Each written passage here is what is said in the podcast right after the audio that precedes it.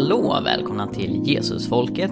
Mitt namn är Mikael Grenholm och trogna lyssnare av denna podcast minns att i december så var jag med i P1, i Människor och tro. De gjorde nämligen ett program om mirakler och vetenskap och uppmärksammade min bok Dokumenterade mirakler och lät mig berätta om den och vetenskapligt oförklarliga tillfrisknande efter bön som jag där har dokumenterat. I det programmet så hade de också med två kritiker som inte höll med om att mirakler kunde dokumenteras eh, vetenskapligt. Och rätt så nyligen i denna podcast så publicerade vi två avsnitt eh, som eh, gick ut på att ge en respons till människor och troder. jag och Joakim Marting och Ola Hörscher bemötte då argument som gavs av de två kritikerna. Inte minst för att jag i själva programmet inte fick chans att, att ge respons. Nå, även om jag var lite besviken på själva upplägget, att jag inte riktigt fick interagera med deras argument och att de för den saken skulle inte interagerade med mina argument. De hade nämligen inte hört vad jag hade sagt, utan det här spelades in helt oberoende av varandra så var jag ändå väldigt nöjd med själva biten där jag fick presentera mitt case. Jag tyckte att det var väldigt rättvist framställt, ingen fulklippning på något sätt. Eh, alla de poänger som jag förde fram kom med trots att det förstås var en ganska rejäl reduktion i tid. Så totalt tror jag att jag och eh, programledaren Antonio de la Cruz spelade in i 30 minuter och så var det 10 minuter som kom med i programmet. Men även om 20 minuter klipptes bort så var det 20 minuter som inte behövdes. Utan jag var väldigt nöjd med att eh, framställningen var eh, rättvis och ärlig. Under den intervjun så frågade Antonio mig vad är en husförsamling för någonting? I och med att jag presenterar mig själv som pastor i husförsamlingen Mosaik. Så jag berättade lite grann om att vi är en församling som samlas i hemmen precis som den tidiga församlingen. Kyrkobyggnader dök ju upp först på 250-talet ungefär. Och han var väldigt fascinerad över detta. Han hade faktiskt aldrig hört talas om husförsamlingar innan. Och han sa det här låter väldigt spännande, det här låter som en programidé. Så efter att programmet om mirakler hade sänds i december så kontaktade Antonio mig igen och sa att de skulle vilja göra ett program om kyrkobyggnader. Där de då undersöker det här med husförsamlingar och sätter det i kontrast till att det är många eh, kyrkobyggnader som inte längre används, som säljs eller som ja, helt enkelt inte längre används som kyrkobyggnader utifrån att folk går till kyrkan mindre. Och då tänkte han inte minst på Svenska kyrkan. Eh, så Antonio frågade om vi var intresserade av att vara med igen och jag sa ja.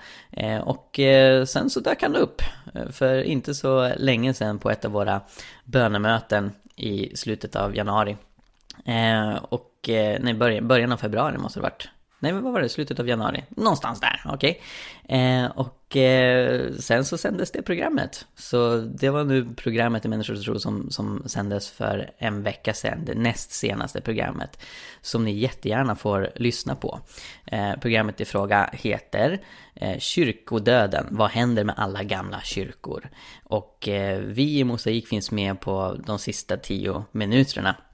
Eh, Sara är med, jag är med, Eh, Hans, Maggan och Emma från vår församling är med. Så det ger oss en väldigt fin, det, det ger er en väldigt fin inblick i vår församling.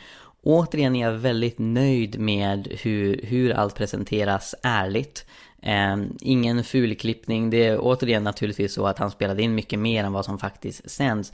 Men det som sänds är relevant, det, det är precis vad vi sa.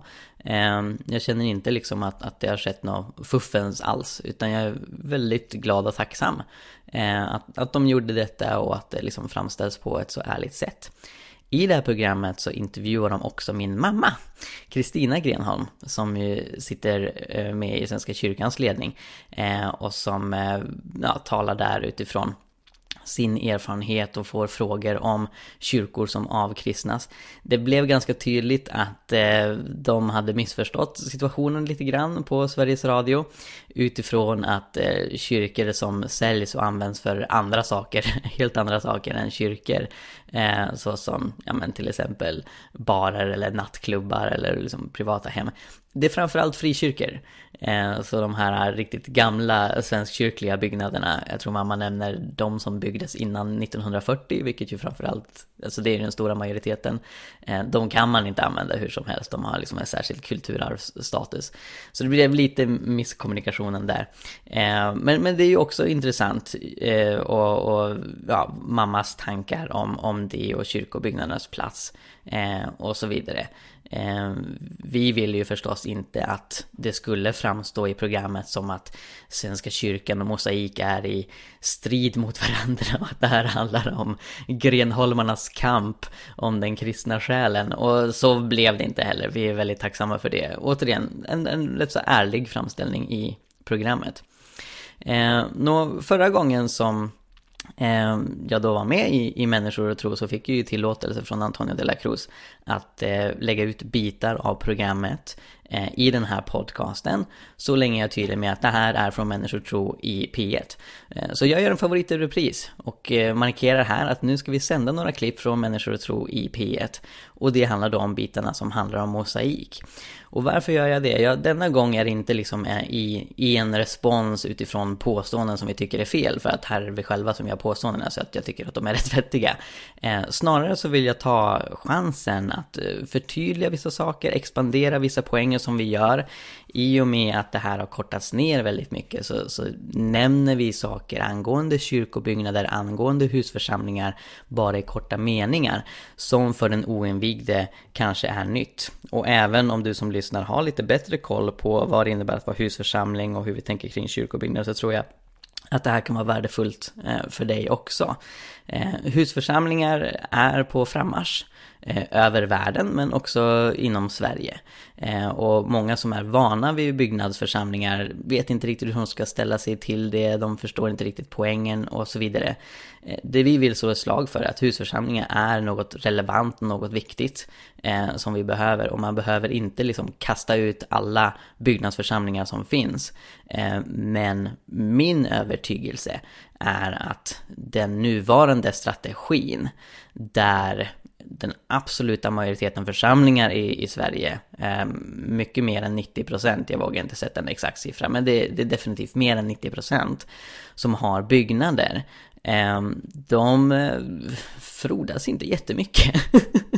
Ehm, medan de, hus, husförsamlingsrörelser, det varierar ju där också. Ehm, men husförsamlingar tenderar att klara sig minst lika bra som byggnadsförsamlingar. Och då är en relevant fråga, ska vi spendera miljontals kronor på en kyrkobyggnad?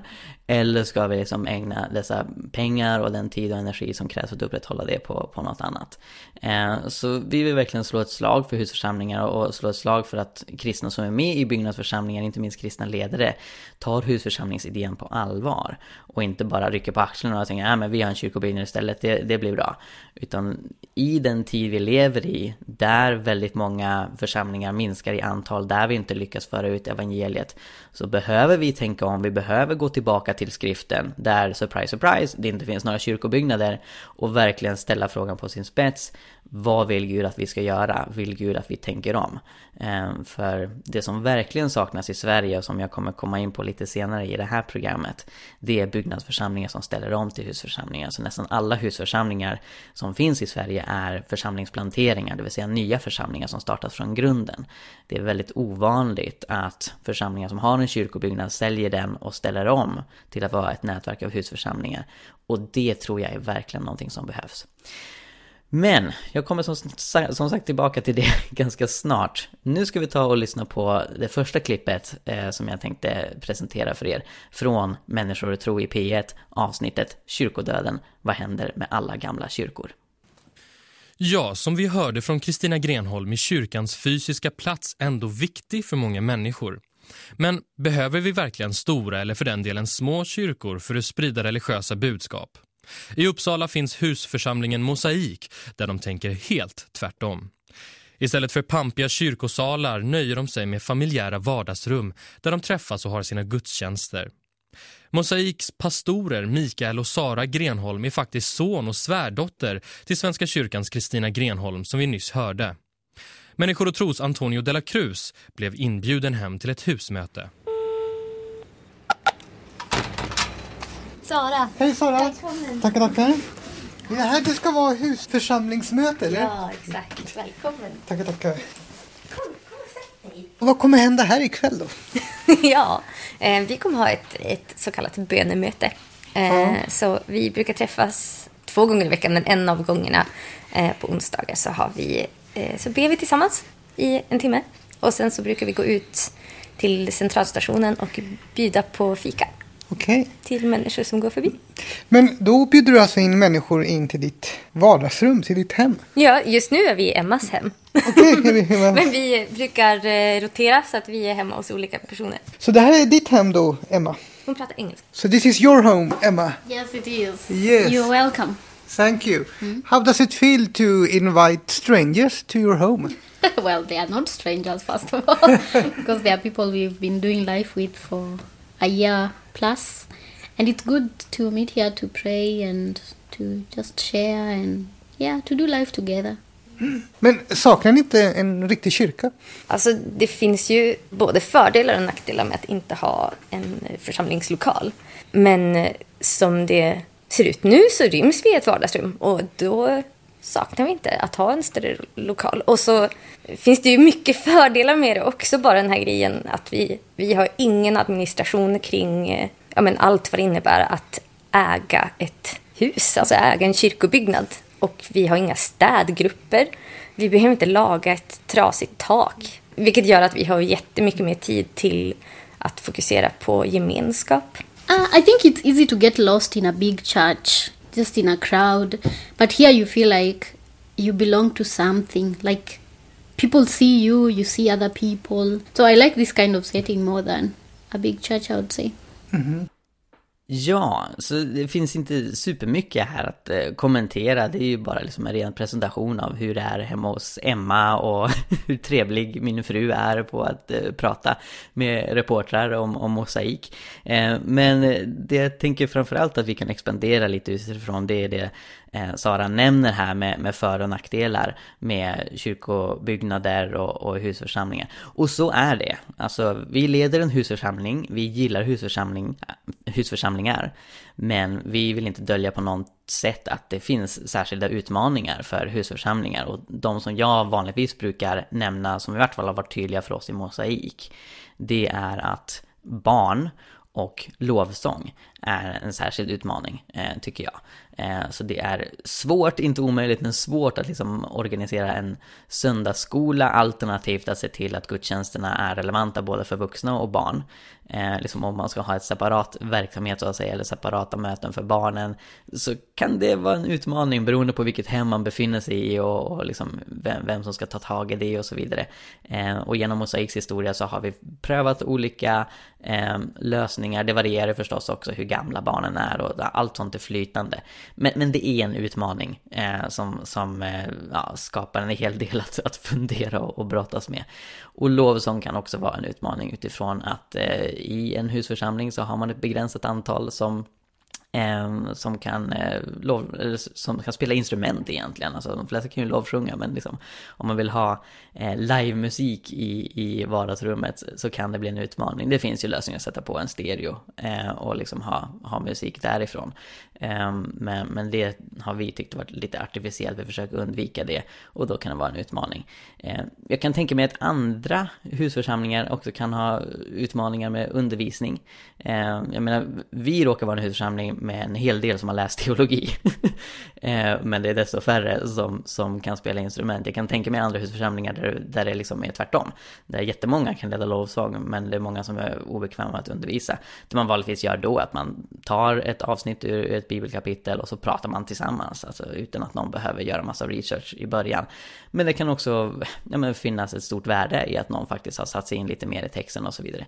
Så, så utifrån ett begränsat antal människor så, så kommer en hel del utmaningar. Så vi vill inte liksom dölja det på något sätt. Men vi menar ju också att det finns uppenbara nackdelar med eh, byggnadsförsamlingar. Och det Sara är inne på här, eh, det delar hon utifrån eh, sin erfarenhet utifrån att hon var ledare i en stor byggnadsförsamling i Göteborg ett tag när hon pluggade på ALT. Eh, och har liksom, ja men fått insyn i hur en verksamhetsförsamling funkar. Och det är förstås väldigt mycket tid som går åt till volontära arbeten för att städa, för att fixa, för att liksom, ja, dona med kyrkobyggnaden och, och allt det som innebär för att liksom hålla den vid liv.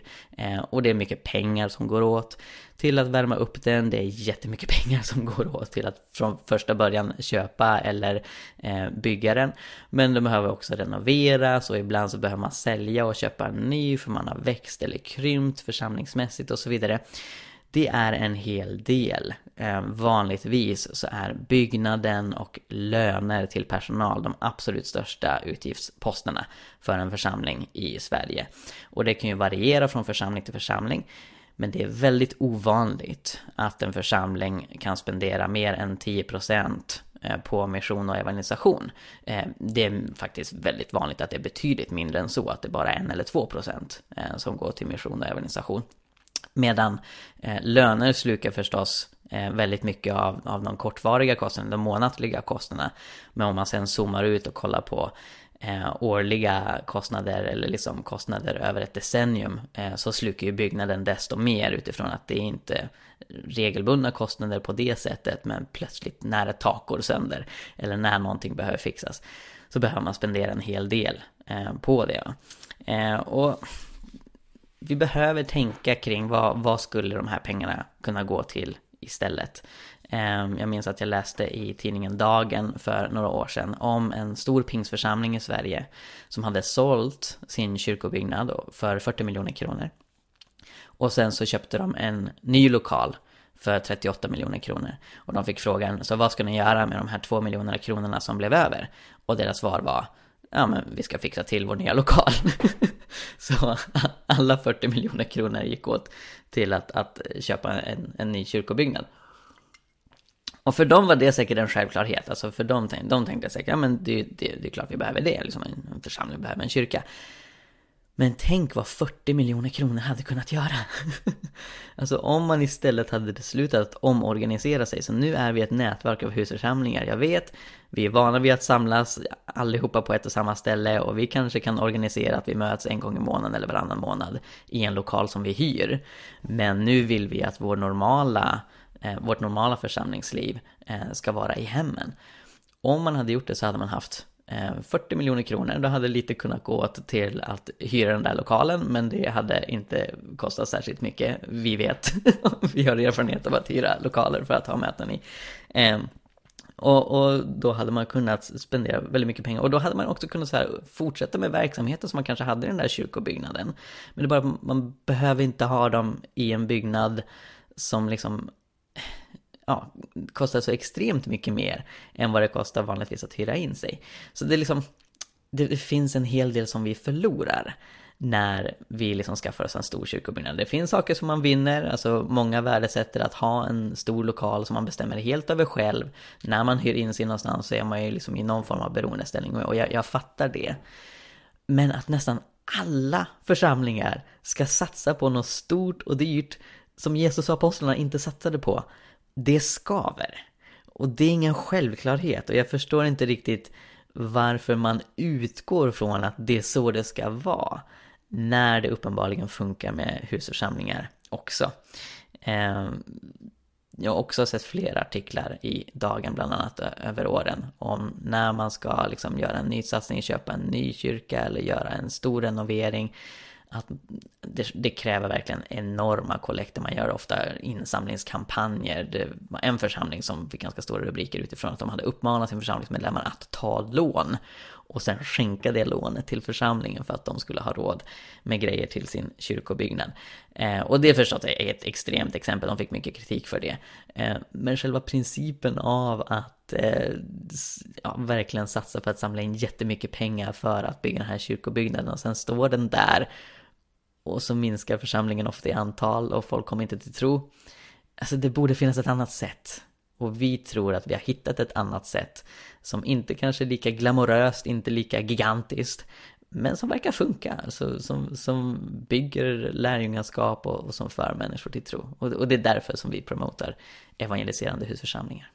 Vi tar och lyssnar vidare på programmet. Våran sån här grupp brukar vara mellan fyra och tio personer, någonting sånt. Eh, medan på söndagar är vi snarare kanske mellan 10 och 25 personer. Och då har vi en vanlig gudstjänst hemma hos någon. Och det är inte det du kommer att vara med om här ikväll. Okej, okay, det blir spännande ändå. Mm. Men hur kommer det sig att ni börjar med det här husförsamling? Vi, vi var i en större lokal först. Eh, Ni hade då- en lokal alltså? Ja, vi hade, eller vi hade inte en lokal utan vi, vi lånade lokaler från olika ställen. Vi har varit på Ungdomens hus och vi har varit i en teater och vi har varit i en eh, pub i Flogsta. Nattklubb var det nog. Det var en eh, diskokula i taket. Eh, Okej, så ni var där på dagen då såklart. Ja, och så precis. på natten var det nattklubb. Precis. Sen så, så gjorde vi om konceptet till att bli en husförsamling. Och det är det också som jag tycker är så, eh, så fint med att det finns olika uttryck för vad det är att vara kyrka. Att det finns allt från stora pampiga domkyrkan till konsertfeelingen i Hillsong i Stockholm till lilla familjära gruppen Mosaik. Det finns liksom något för alla smaker. Den som trivs, i det ena kanske inte alls trivs i det andra, men vi, men vi ser varandras funktion. Eh, och det tycker jag är någonting som är väldigt vackert. Can I cut you guys short? Yes. I think Margaret is going into labor. Now? Yes. Are you she's called me- serious? Yes. So she's in the taxi running to the hospital. I need to find someone to leave Maya with so that I can go. Oh yeah, of Because she's alone. Okej, så det är någon som ska föda? Ja, exakt. Oj då. Wow. She's so... The contractions are so strong. She's crying. Oh, I'm going crazy. Okej, men vad händer då med, med mötet? Ja, det är också det fina med husförsamlingar att man kan ju vara väldigt flexibel. Alltså så här, kan vi inte vara här, ja, men då kan vi eh, sätta oss på ett café och be en stund och sen gå till centralstationen. Alltså, det är, inte, det är inte hela världen om saker dyker upp. Så det här är livet i en husförsamling. Vi vill vara familj för varandra.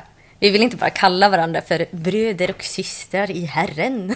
Eller vad man nu säger på fint religiöst språk.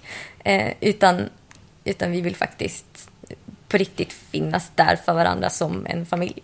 Då jag antar att ni kommer be för en bra förlossning då. Ja, självklart. Ja, det var en intensiv kväll och inte minst eh, stackars Sara liksom fick gå från att intervjuas i Sveriges Radio från första gången till att sen då åka över till eh, BB eh, efter det här. Först åkte ju då eh, Emma eh, och sen så tog Sara över när Emma behövde åka hem. Eh, men det gick jättebra. Margaret födde en, en frisk liten dotter som även om det var liksom en månad för tidigt Eh, så, så mådde hon bra och, och Margaret mådde bra. Och, och ja, det blev väldigt bra. Vi är väldigt, väldigt tacksamma till Gud eh, för det. Eh, men några saker som jag kan expandera på här som, som sades. Eh, Sara var ju inte med när vi samlades i en pub. Det här var precis när jag hade kommit med i Mosaik eh, 2010 som vi samlades i Flogsta. Och det var egentligen en före detta pub eh, som drevs av den bolivianska föreningen Eh, i Uppsala. Eh, jag tror inte den hamnade an som nattklubb, jag, jag vet inget om det, men ja, det hängde en diskokula i taket. Längst bak, eller längst fram snarare, eh, så hängde också en aztekisk avgud, liksom en tavla av någon konstig gud. och och eh, den brukar vi då plocka ner och lägga bakom en gardin. Och så hängde vi upp en liten bild av Jesus istället och så körde vi igång vår lovsång. Det var en riktigt härlig tid. Vi nådde väldigt många studenter där i, i Flogsta, inte minst för att vi avslutade varje gudstjänst med att servera gratis pannkakor. Eh, så studenter brukade flocka ner eh, till lokalen där och eh, då hade vi liksom jättebra möjligheter att, att dela evangeliet. Eh, och, och när församlingen etablerades så inleddes det med att eh, församlingsmedlemmar gick runt eh, i studentkorridorerna där i Flogsta och erbjöd eh, gratis städning. Så de knackade på och sa hej, kan vi städa hos er? Ingen student sa nej. Och de gick runt och städade och, och sa liksom, ah, vi är från församling Mosaik, vi samlas nere liksom i, hos Bolivianska föreningen i hus 1. Eh, och sen dök folk upp där. Eh, så, så det var så liksom Mosaik satte igång och, och det var en riktigt härlig tid. Eh, Sara går in på det här att eh, det är bra att det finns olika församlingar för olika människor. Och jag har ju stött på människor som säger jag skulle inte kunna tänka mig att vara med i en husförsamling. Eh, jag tycker det är obekvämt att komma hem till andra. Jag gillar anonymiteten, att kunna gå till en, en kyrka och ingen vet vem jag är. Andra säger att jag tycker om konsten, jag, jag tycker om liksom atmosfären och så vidare. Och jag förstår allt det.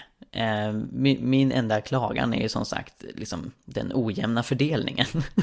att vi har så extremt många kyrkobyggnader för folk som gillar det och så väldigt, väldigt få husförsamlingar eh, för de som kanske föredrar det. Eh, och, och, där tror jag på att det, det behövs mer en, en utjämning så. Eh, Sara nämner att eh, husförsamlingar är väldigt flexibla och det är så otroligt sant. Ehm, folk som bara har erfarenhet av, av byggnadsförsamlingar har nog svårt att föreställa sig hur extremt flexibla vi kan vara. Eh, liksom i hur, hur, vi gör kyrka, det, det, är väldigt lätt för oss att e-, experimentera, att ändra saker, att anpassa oss efter olika förhållanden, anpassa oss efter olika människor som är i församling och så vidare. På ett helt annat sätt än vad en byggnadsförsamling eller verksamhetsförsamling är, är van vid. Och det finns förstås en styrka, det finns risker med det också, man ska inte ta den friheten liksom till sina extrem och experimentera hur mycket som helst till folk inte fattar vad som händer längre. Eh, men, men det finns verkligen en styrka där. Och sen just det här med familjeegenskapen. Det är ju fler och fler byggnadsförsamlingar som har infört cellgrupper och husgrupper för att få med den här familjeatmosfären eh, och den här relationella församlingsmodellen som vi är så vana vid i husförsamlingsrörelsen och det är jättebra. Jag älskar att, att byggnadsförsamlingar har infört husgrupper eh, och, och liksom satsar på det och prioriterar det. Och det är verkligen något som, som behövs och som man inte ska ta för givet och man ska träna husgruppsledare Eh, och se dem som de pastorer som de är, även om de inte har den titeln. För det är de som möter många pastorala behov och, och, sådär och, och, teologiska frågor och så vidare. Eh, så, så det är verkligen något som jag välkomnar och, och, och det är en, en ofrånkomlig styrka med, med husförsamlingskonceptet. Vi lär känna varandra, vi kan inte blunda för behov i vår församling. Vi, vi, vi verkligen blir vänner med människor som, som är med här.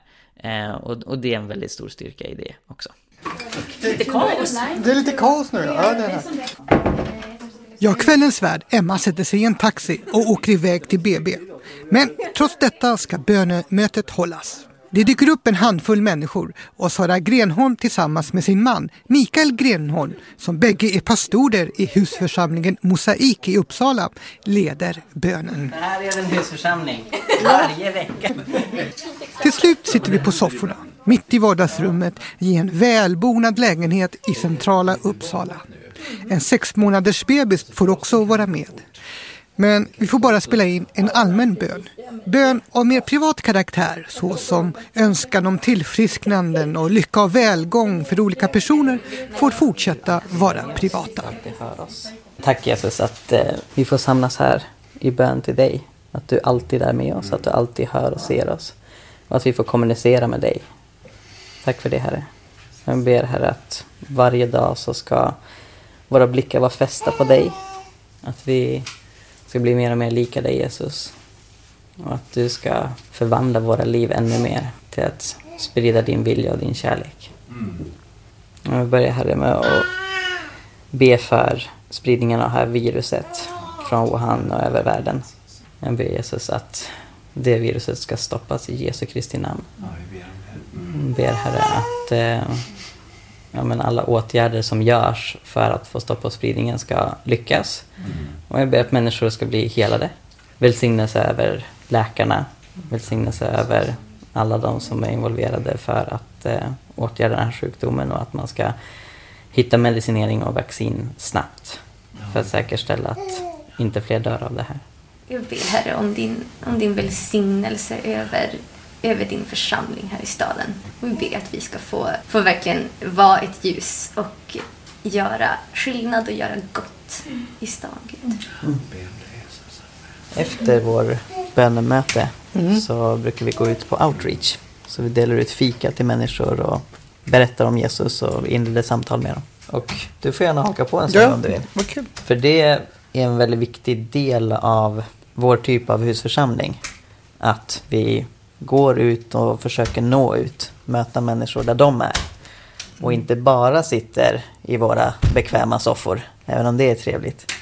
Utan vi vill träffa andra och bjuda in dem i gemenskapen. Så vi kallar det för 50-50 visionen. Att vi strävar efter att hälften av det vi gör ska vara utåtriktat.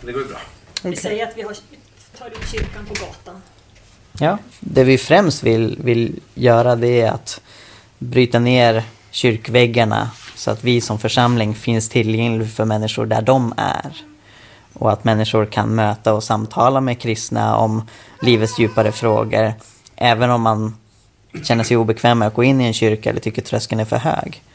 Så det är anledningen till att vi bjuder på kaffe och, och pratar med människor ute på gator och torg. Och under åren har vi pratat med tusentals människor totalt eh, på det sättet. Yes, det finns inte jättemycket att kommentera när det gäller själva mm, bönen. Vi ber, som de flesta kristna ber. En sak som jag tänker möjligtvis kan vara bra att förtydliga är förstås att när Sara ber för din församling i Uppsala så ber hon för alla kyrkor.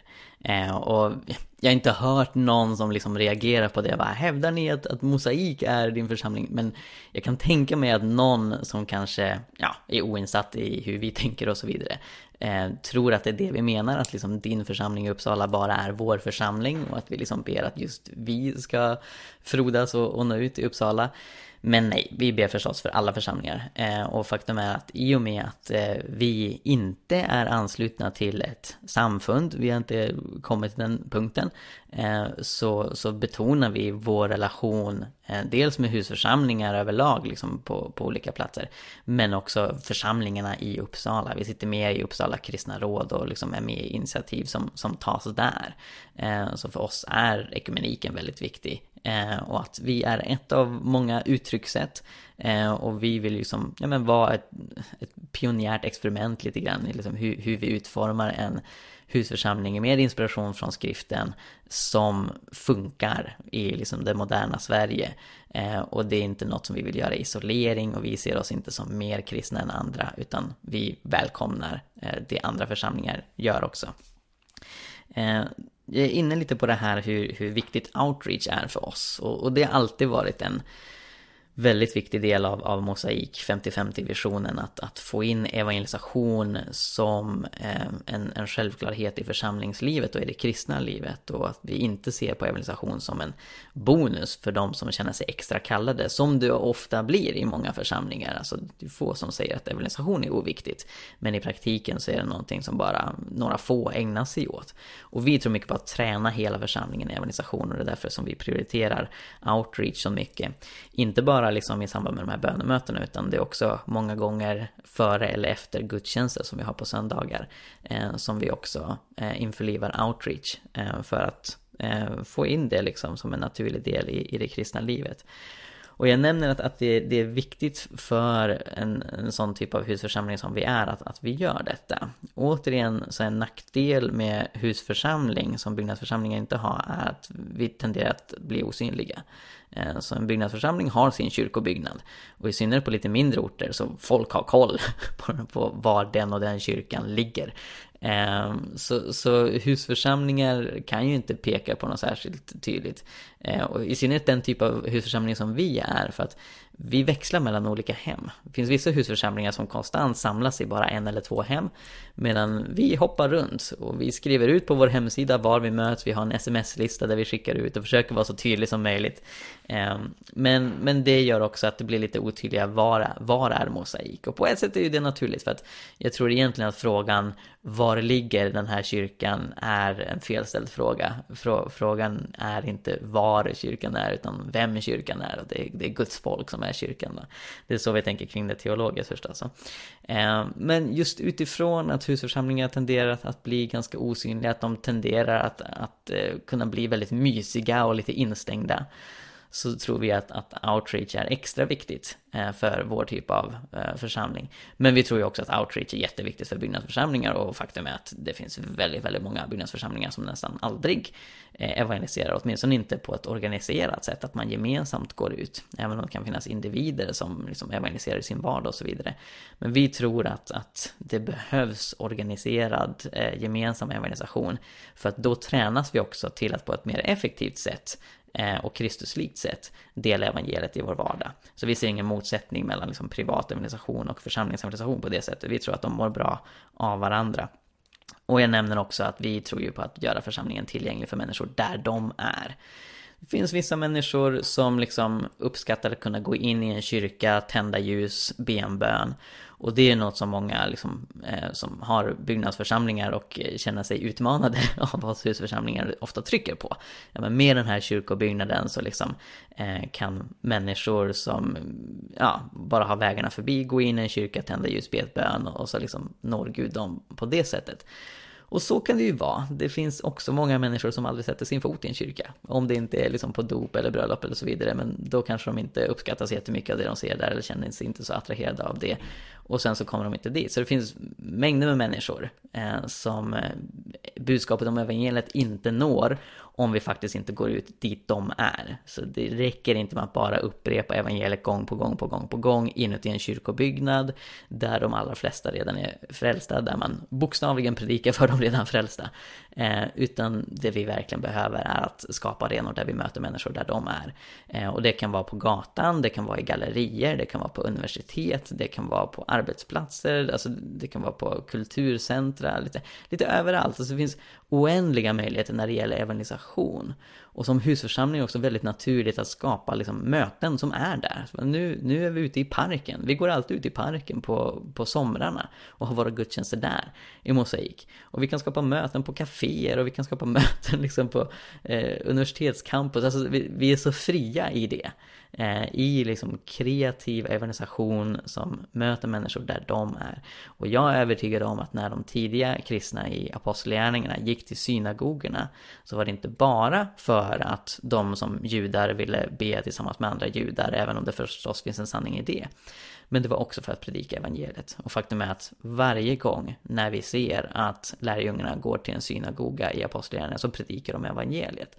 Så det var en chans för dem att på en arena där framförallt fanns icke-kristna förkunna evangeliet. Och de gick dit som församling. I Apostlagärningarna 19 så står det att när Paulus blir utkickad från synagogan och sen börjar predika i Tyrannus hörsal istället, så tar han med sig lärjungarna. Så han var inte själv när han gick till synagogan och förkunnade evangeliet, utan den kristna församlingen gick dit, där det fanns massa icke-kristna. Och dels liksom er, erkänner de hedrar de sina judiska rötter, men de förkunnar också evangeliet. Och, och, det vill vi se mer av. Församlingar som istället för att krypa in i, i sin egen koja, sin egen kyrkobyggnad, som når ut på arenor och platser där icke-kristna redan befinner sig. Faktum är att väldigt många församlingar som idag har kyrkobyggnader började på det här sättet. Så de flesta frikyrkorörelser i Sverige som satte igång på 1800-talet var ju förbjudna när det begav sig. Och då samlades man i hem eller i lador och så vidare. För att be och läsa Bibeln tillsammans. Och sen med tiden när man fick mer pengar och, och blev mer erkända av det omkringliggande samhället. Då började man bygga kapell och bönehus och kyrkor. Så kan det vara så att målet ändå har en kyrka, en byggnad i framtiden? Vissa har ju det. Vi tänker snarare att när vi blir fler så vill vi dela upp oss. Så att vi vill istället för att tänka addition, att man samlar fler och fler människor till samma plats, så vill vi mm. tänka multiplikation. En mosaik av mosaiker mm. med många olika husförsamlingar som kan rikta sig till olika målgrupper, se ut på lite olika sätt, men alla ska ju ha Jesus som kärnan. Kan det inte vara jobbigt att behöva bjuda in folk hem till sig? Jag tänker att de som tycker det nog inte går med i mosaik. Men sen är det ju inte en förutsättning för att få vara med i Mosaik att man, all, alltså att man måste öppna sitt hem. Utan det är ju folk som är med i Mosaik som, som inte vill ha oss hemma hos sig och det är fine. Och det är ju snarare att vi har väldigt många hem som har öppna dörrar där vi får vara. Vi hinner knappt vara i alla hem, känns det som. Men apropå det här med expansion och kyrkobyggnad. Det blir ju lätt ett problem för en församling som har en kyrkobyggnad Både om det plötsligt är mycket färre människor och bänkraderna ekar tomma. Eller om man är väldigt, väldigt många och då behöver man bygga ut och göra investeringar som kan kosta miljontals kronor. Medan för en husförsamling eller ett husförsamlingsnätverk, om man har fler människor så har man vanligtvis också fler tillgängliga hem att vara i. Så det är på det sättet väldigt flexibelt och organiskt. En sak som inte kom med, som jag är rätt säker på att jag sa, och jag återigen klandrar inte eh, Antonio de la Cruz eller resten av Sveriges Radio för detta, för jag förstår att man behöver spara tid. Men som jag tänker kan vara intressant för er att höra nu när jag har er uppmärksamhet här det är att jag inte bara nämnde svenska väckelserörelser som, som börjar som husförsamling och sen med tiden skaffar sig kyrkobyggnader. Utan jag är rätt säker på att jag också poängterade att de snabbast växande församlingsrörelserna idag i världen är husförsamlingsrörelser. Och då tänker jag till exempel på Iran som räknas som den snabbast eh, växande församlingsrörelsen idag. Den är väldigt förföljd naturligtvis. Eh, men ganska nyligen så publicerades det en artikel i Christian Post som poängterar vad som karaktäriserar den här församlingsrörelsen, förutom det faktum att de är förföljda. Och det som karaktäriserar den är att det är en husförsamlingsrörelse, naturligtvis, de får inte bygga kyrkor, eh, som framför allt leds av kvinnor och som också är väldigt karismatisk. Eh, så just det här att, att kvinnor utrustas till att sprida evangeliet, att den heliga ande får, får verka fritt eh, och att man samlas hemma hos varandra. Det är inte så här, det är inte nackdelar för den här församlingsrörelsen när det gäller att leda människor till tro. Utan snarare verkar det vara ett, ett framgångsrecept och det är också det vi ser i den tidiga kyrkan. Vi ser det i Kina Ehm, hur, hur församlingsrörelsen där växer väldigt, väldigt snabbt och, och det är ju framförallt husförsamlingsrörelsen. Det finns en statligt erkänd kyrka som kallas Tre självkyrkan som får bygga kyrkobyggnader och som är väldigt Eh, kontrollerad från den kommunistiska regimen. Eh, men den växer inte särskilt snabbt utan det är husförsamlingsrörelsen som, som verkligen går fram där. I Nepal så väcker, växer husförsamlingen, husförsamlingsrörelsen väldigt snabbt. Norra Indien, eh, samma sak där. Så liksom i, i inga av dessa fall så, så är det faktum att det är svårt Ehm, att bygga kyrkobyggnader. Dock inte nödvändigtvis liksom omöjligt eller olagligt. Till exempel i norra Indien så går det att bygga kyrkobyggnader om man vill. Eh, där är det vanligt att man helt enkelt väljer att inte göra det. Men liksom i inget av dessa fall så är det faktum att, att man saknar kyrkobyggnader en nackdel direkt. Eh, utan det verkligen eh, verkar underlätta snarare väckelsen att, att få fram. På grund av den här flexibiliteten bland annat som, som vi lyfter eh, i programmet. Eh, jag lyfter det här med att vi tänker multiplikation istället för addition. Och, och, och det har varit liksom en, en revolution i, i, mitt tänkande när jag liksom tänker på evangelisation och församlingstillväxt. Eh, det man ofta utgår från i utgångsläget i västvärlden, det är att vi ska samla så många som möjligt till en och samma plats. Och, och det är därför som även då väckelserörelse i Sverige som startas som husförsamlingar med tiden bygger ett kapell och så blir det ett bönehus och så blir det en kyrkobyggnad och så vidare. För att man vill inte dela upp församlingen. Och på ett emotionellt plan kan ju verkligen förstå det. Alltså vi börjar närma oss en punkt i mosaik där det verkligen är aktuellt att prata om uppdelning nu. Och det är svårt. Liksom, men hur, hur, alltså vi, vi älskar ju varandra, vi vill vara med varandra och vi tänker ju då att vi möts en gång i månaden gemensamt, liksom hyr en lokal och där, där vi kan vara lite fler. Men, men det finns en kostnad i det och, och, och ja, en smärta i det. Så på ett emotionellt plan förstår jag att nej men då, nu ska vi bygga ett hus så vi kan vara fler. vi bygger ett större hus och vi kan rymmas fler och, och samla ihop fler människor och att det är så man ofta liksom utgår från, det, det är så det ska vara. Men det är inte riktigt det som är mest effektivt, utan det som verkar verkligen gynna evangeliets framväxt, det är snarare det här multiplicerande tänket. Och fler och fler byggnadsförsamlingar erkänner detta, fler och fler samfund erkänner detta. När man pratar om församlingsplantering överlag så är det ofta med multiplikation, vikten av att Eh, större församlingar av, avskiljer en, en del av sin flock så att säga till att starta en, en ny plantering någonstans som, som eh, får liksom ja, men sprida vidare evangeliet. Man har sett eh, ja, men en stor evangeliserande effekt av församlingsplanteringar. Inte minst för att de kan anpassa sig till nya kontexter, nya grupper, nya målgrupper. Eh, det finns en, eh, ett husförsamlingsnätverk är det väl eh, i Örebro som heter Ecclesia. Eh, och jag minns när jag lyssnade på en av deras eh, ledare på eh, jag tror det var Torpkonferensen, som berättade om hur eh, hennes del av Ecclesia, hennes grupp, eh, nästan ofrivilligt hade blivit en gymkyrka. För de märkte liksom att, att ja, men den målgrupp de nådde ut till, det var många som gillade att träna. Och då så liksom anpassade de sin församling efter det. Så de går och tränar och sen har de en kyrka ihop. Och jag, jag tyckte det var helt underbart. Eh, jag pratade med eh, Caroline Hultmar eh, för några år sedan som har varit med i en församlingsplantering i Tensta som en husförsamling. Eh, och, och, hon pratade om liksom hennes vision. Det finns jättemånga olika nationaliteter i Tensta. Eh, och, och, och, deras vision var ju då att liksom starta smått i, i sin lägenhet, nå människor med evangeliet och sen kan de skapa nya Eh, husförsamlingar i olika lägenheter i Tensta eh, riktade till, till sin nationalitet, där de med sin kultur och sitt språk och sitt sätt att vara kyrka når ut än mer effektivt. Och det hon såg framför sig var hur det liksom växer som ett träd, det knoppar av och det blir fler och fler eh, liksom kvistar på varje gren eh, som, som bara sprider sig ut över Tensta. Och, och, och det är också vad jag ser i Apostlagärningarna. Alltså det, det, det är så bibliskt sätt att tänka. Istället för att alla ska liksom, vad heter det, trängas in på en och samma lilla plats. Eh, så, så låt oss tänka multiplikation, låt oss tänka att vi liksom når ut, blir en mosaik av mosaiker som jag säger där. Eh, och naturligtvis kan man göra detta även om ens församling inte heter mosaik. Men det, det är vår vision eh, och jag, jag, tror verkligen på den visionen. Och det, det är en vanlig vision i husförsamlingsrörelse. Det är återigen en styrka med, med sättet husförsamlingar fungerar. Ehm, Antonio de la Cruz lyfter frågan om, om det inte kan vara svårt eller obekvämt för människor att, att bjuda hem andra. Och jag fäller kommentaren, ja de kanske inte är intresserade av att, de kanske inte är intresserade av med mosaik. Sen så påpekar Sara att det är ju förstås inget krav att vara med i mosaik och bjuda hem människor. Och, och grejen är att jag hörde eller tänkte lite fel. Den fråga jag är van vid att höra är, är, inte, är inte folk obekväma med att komma hem till människor. Och, och, det var egentligen i respons till det som jag säger, jag vet inte om de är så intresserade av den här typen av församling från första början. Eh, för, för, av, av uppenbara skäl.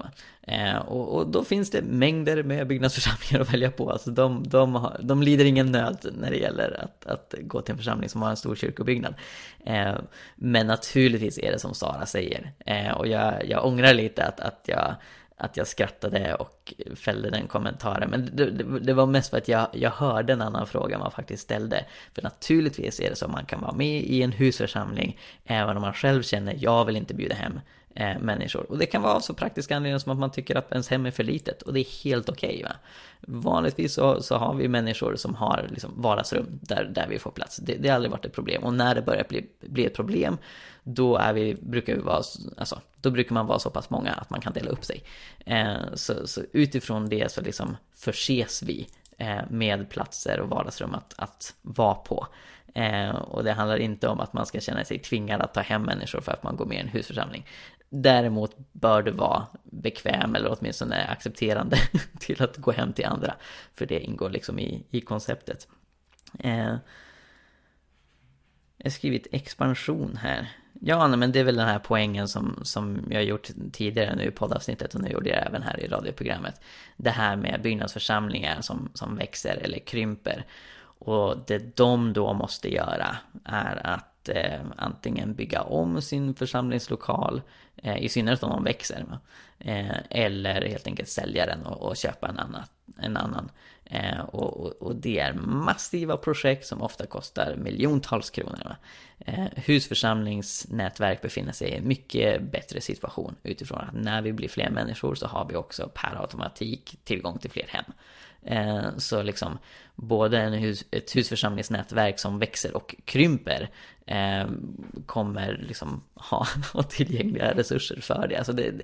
Det är inget problem, det är inte något man behöver eh, få massa huvudvärk av. Utan det, det löser sig väldigt organiskt. Och det är återigen en, en styrka med den eh, bibliska husförsamlingsmodellen eh, som vi är väldigt ja, tacksamma för. Alright, nu tar vi och spelar det sista avsnittet från Människor och tro-programmet. Vad tycker ni då Svenska kyrkan ska göra med alla sina kyrkor? Jag skulle vilja se fler kristna kommuniteter och kollektiv. Och det, det skulle vara väldigt spännande tycker jag. Om man bygger om kyrkor till klosterliknande byggnader.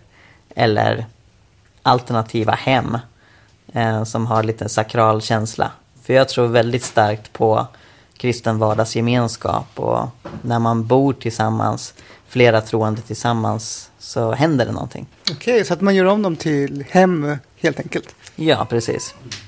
Som kristen ledare så tänker jag att det inte har något större värde för Guds rike just med själva byggnaderna. Det är ett medel snarare än ett mål. Vi tar och går ut med fikat. Okej, vad, vad gör ni nu för någonting? nu plockar vi fram eh, fika och ställer fram ett bord och tänder marschaller. Och folk brukar stanna och fråga varför vi gör det här. För att det är ovanligt att man gör någonting gratis i Sverige. typ. Så det här lilla bordet då och skylten här och, och ert fika, kan man säga att det är er kyrka liksom? Ja, nu är vi kyrka. Vi är församling på Uppsala centralstation just nu. Och det var ju så Jesus gjorde med sina lärjungar. Jesus hade ju ingen kyrkobyggnad. Utan han vandrade omkring med sina lärjungar. Ibland var de inne, ibland var de ute, ibland var de i en båt. Men de var alltid i församling. Ja, som ni hörde tidigare så var det en förlossning på gång mitt under husförsamlingens bönemöte. Mamman födde en liten flicka senare på natten och låter hälsa att både hon och den lilla dottern mår bra. Det var Människor och tros producent Antonio de la Cruz som såg till att vi kunde vara med på ett bönemöte med husförsamlingen Mosaik i Uppsala. Och i och med det är programmet slut som idag handlade om kyrkodöden och om vad vi ska göra med alla gamla kyrkor som står och förfaller. Har ni synpunkter, kommentarer eller frågor om programmet får ni gärna mejla oss på mot sr.se mot sr.se. Vi finns även på SRP1 Facebook-konto om du vill kommentera dagens program. På vår hemsida och i SR Play-appen och där poddar finns ligger alla våra tidigare program som väntar att bli lyssnade till. Dagens program producerades av Antonio de la Cruz, reporter var Tella Jonsson, tekniker var Emilia Martin och jag heter Edgar Mannheimer. Vi hörs! Yes, ni som har följt den här podden länge eller eh, bloggen Hela Pingsten eller liksom följt oss på andra sätt vet att eh, vi älskar kommuniteter. Eh, vi, vi vill bo i kommuniteter även om vi inte gör det nu och vill verkligen främja kristna kommuniteter. Så naturligtvis när jag får frågan vad ska man göra med gamla kyrkobyggnader så säger jag gör dem till kloster, gör dem till kommuniteter, låt människor bo där. Någonting som inte kom med i programmet, eh, förmodligen av tidsskäl, var att eh, Sara poängterade för mig att det är inte självklart att man kan det. Och det är ju också någonting som mamma lyfte som sagt tidigare i programmet att eh, en hel del av de svenskkyrkliga kyrkobyggnaderna kan man inte göra vad, vad man vill med. Men det finns också exempel på liksom, missionshus som inte längre används eh, som församlingslokaler som har gjorts om till hem. Eh, och, och, där vissa som gör det liksom behåller lite av, av den sakrala stilen, vilket jag också är inne på. Eh, men, men eh, jag förstår förstås att liksom, vissa kyrkobyggnader, om Uppsala domkyrka inte längre skulle användas som eh, en kyrkolokal så är det väl närmare till hands att det skulle bli ett museum än att det faktiskt skulle bli ett kloster. Även om jag skulle uppskatta om det blev ett kloster. Alltså, lite önsketänkande från min sida. Eh, men man behöver ju förhålla sig till kulturarvslagar och, och sådana grejer. Eh, sen eh, så kom jag in på tanken att, att kyrkobyggnaden är ett medel snarare än ett mål. Eh, så, som ni förstår, alltså jag, jag älskar husförsamlingar, jag, jag tycker att eh, det behövs fler av dem. Jag blundar inte för att det finns utmaningar, nackdelar eh, med husförsamlingar, men jag tycker fördelarna väger över. Så jag är en husförsamlingskille, jag, jag promotar det. Vill jag riva varenda kyrkobyggnad som finns? Vill, vill jag gå fram till varenda pastor som driver en byggnadsförsamling och säga vet hut! Eh, Chas med dig, sluta och, och, och ha en, en byggnadsförsamling. Nej, jag förstår att liksom för, för alltså att, att byggnader kan ha sin plats. Och en, en kyrkobyggnad som jag själv är väldigt tacksam för och som jag inte skulle vilja se eh, krossad, det är till exempel Sankta Klara kyrka. Och en anledning till att jag verkligen uppskattar det, det är att den används väldigt mycket. Eh, så, så den används eh, varje dag, det är liksom ett diakonalt center. Eh, och eh, många vintrar så har den också använts på natten. Så det, det är en kyrkobyggnad som används 24-7. Och det har jag otroligt stor respekt för och det är jag väldigt tacksam för. Jag är mycket mer kritisk till när man har satsat miljontals kronor på att bygga en kyrkobyggnad och så av veckans timmar så används den kanske 5-10%. Det, det har jag ett stort problem med. Va? Jämför det med hem, som när vi inte har gudstjänster här, så lever vi ändå i dem, även om vi kanske är borta när vi jobbar och så vidare. Så liksom, det är ändå utrymme som används mer. Eh, och, och, jag förstår inte riktigt poängen, jag kan inte se en, en biblisk uppmaning till att Guds församling ska spendera miljarder kronor på att bygga hus som används väldigt lite. Så det har en kritik mot, men jag är liksom inte dogmatisk. Jag hävdar inte att, att Gud inte kan använda kyrkobyggnaden, naturligtvis kan han det. Men just det här att se dem som medel, inte som mål. Att inte betrakta det som självklarhet att en församling ska ha en kyrkobyggnad. Att inte sätta lika med tecken mellan Guds kyrka, hans folk och en kyrkobyggnad. Det tror jag är jätteviktigt. Om vi ska ha kyrkobyggnader så ska man använda som medel. Och jag är som sagt inte alls övertygad om att vi behöver så här många. Utan jag tror att, att många byggnadsförsamlingar skulle må bra av att ställa om till husförsamlingsrörelsen. Det innebär inte att 100% måste göra det. Men jag tror en hel del skulle må bra av det. Jag tror att många missar möjligheterna som finns där. Bara för att man utgår från att, att kyrkobyggnader är världens bästa grej. Något det uppenbarligen inte är. Det behövs inte för att Guds rike ska gå fram. Som eh, Nepal och Iran och Kina och andra länder visar oss. Eller bara den tidiga kristna kyrkan. Och apropå det, den sista poängen som jag får med här och jag är väldigt glad att de tog med det. Det är just det här att Jesus inte hade någon kyrkobyggnad. De tidiga apostlarna och lärjungarna hade inga kyrkobyggnader. Eh, utan den, den tidigast utgrävda eh, kyrkobyggnaden eh, finns, eller möjligtvis fanns i Syrien. Jag vet inte hur det har gått nu under kriget. Eh, men den heter Dura Europos, eller kallas det åtminstone. Eh, och, och det är liksom ja, men den tidigast arkeologiskt utgrävna eh, kyrkobyggnaden så att säga. Grejen är bara det att det är också ett hem. Så även om det är ett hem som har blivit lite expanderat och de har i princip gjort liksom hela nedervåningen till en samlingslokal och de har en dopgrav och så vidare. Eh, så, så var det fortfarande ett hus där folk bodde. Eh, så det är väl liksom ett tidigt exempel på när, när ett hem börjar så smått transformeras till det som sen kommer att bli kyrkobyggnad, men liksom rena kyrkobyggnader där folk inte bodde alls. Ehm, kom förmodligen först på 300-talet och, och det exploderade sen när, när kristendomen blev statsreligion i slutet av 300-talet. Och helt plötsligt så behövde man då bygga eh, enorma basilikor och kyrkobyggnader för att få in mängden med hedningar som nu officiellt var kristna, även om de fortfarande inte trodde på Kristus. Eh, och, och, och, det liksom, ja, men ledde till en, en radikal förändring i hur kyrkan fungerade, som tyvärr hade många bieffekter eh, med sig. Eh, där teologin och etiken eh, kraftigt förändrades för att liksom anpassa sig till, till den hedniska publiken. Eh, och eh, ja, där, där väldigt mycket blev institutionaliserat, där nattvarden gick från att vara en gemenskapsmåltid till att bli en, en ritual. Och, och det går att prata mycket om allt det som det förde med sig. Men återigen, när vi tittar på Jesus och den tidiga församlingen så finns inte kyrkobyggnaden där och de klarar sig rätt bra där ändå. Så även om jag som sagt inte är dogmatisk kring eh, kyrkobyggnader och hävdar att de, de har ingenting i, i församlingslivet att göra, så tycker jag att vi alla egentligen borde vara överens om att de behövs inte i strikt mening. Visst, i vissa situationer kan de fylla en funktion i vissa kontexter och sammanhang. Men de behövs inte. För om de hade behövts, då hade Guds son byggt dem. Han var snickare för, för Guds skull. Jesus hade kunnat bygga en kyrkobyggnad om han ville, men det vill han inte.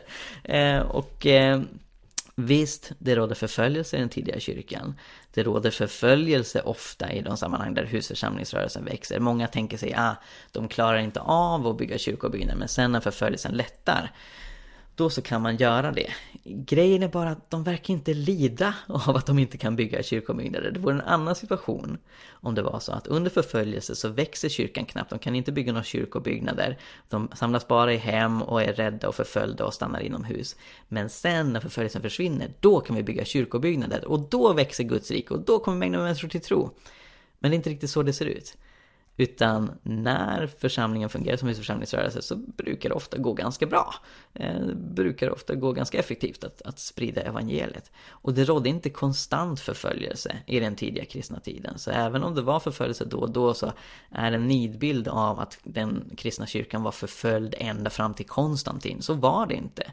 Utan i vissa områden så var det ganska fridfullt att vara kristen. Det, man, man var inte särskilt utsatt. Men inte ens i sådana situationer så finns det några bevis för att kristna satte igång och byggde kyrkobyggnader utan man verkade fortsätta vilja samlas i hem. Och samma sak kan vi se till exempel i, i Indien, husförsamlingsrörelsen där, att även i områden där det inte råder så mycket förföljelse så är man inte så jättesugen på att bygga kyrkobyggnader. Så det finns någonting här som är värt att utforska.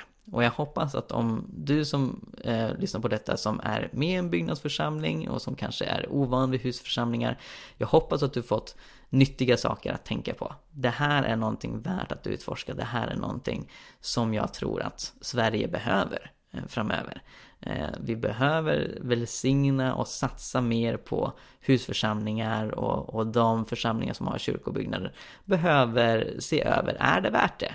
Är det värt miljontals kronor och, och tusentals arbetstimmar? Eller skulle vi kunna lägga det på något annat? Eh, och vad skulle det kunna vara? Och skulle det göra att fler kommer till tro? Det är verkligen en jätteviktig fråga som jag tror att alla kristna behöver ställa sig. Alright, det var denna genomgång av människor och tro-programmet Kyrkodöden, vad händer med alla gamla kyrkor? Jag hoppas att ni har tyckt om att lyssna på detta, eh, trots att jag har suttit här själv. Jag erbjöd förstås Sara att vara med, men hon är helt uppslukad av tentaplugg. Eh, så då fick jag sitta här själv. Eh, men jag hoppas att det varit drägligt att lyssna på. Eh, och sen så hoppas jag också att eh, ni prenumererar på Jesusfolket i valfri poddapp. Eh, lämna gärna en recension eh, där ni kan göra det. Eh, på iTunes och, och, och, så vidare. För det hjälper oss väldigt mycket att nå ut ännu mer med podden. Eh, tack så mycket för att ni har lyssnat och Gud välsigne er. Hejdå!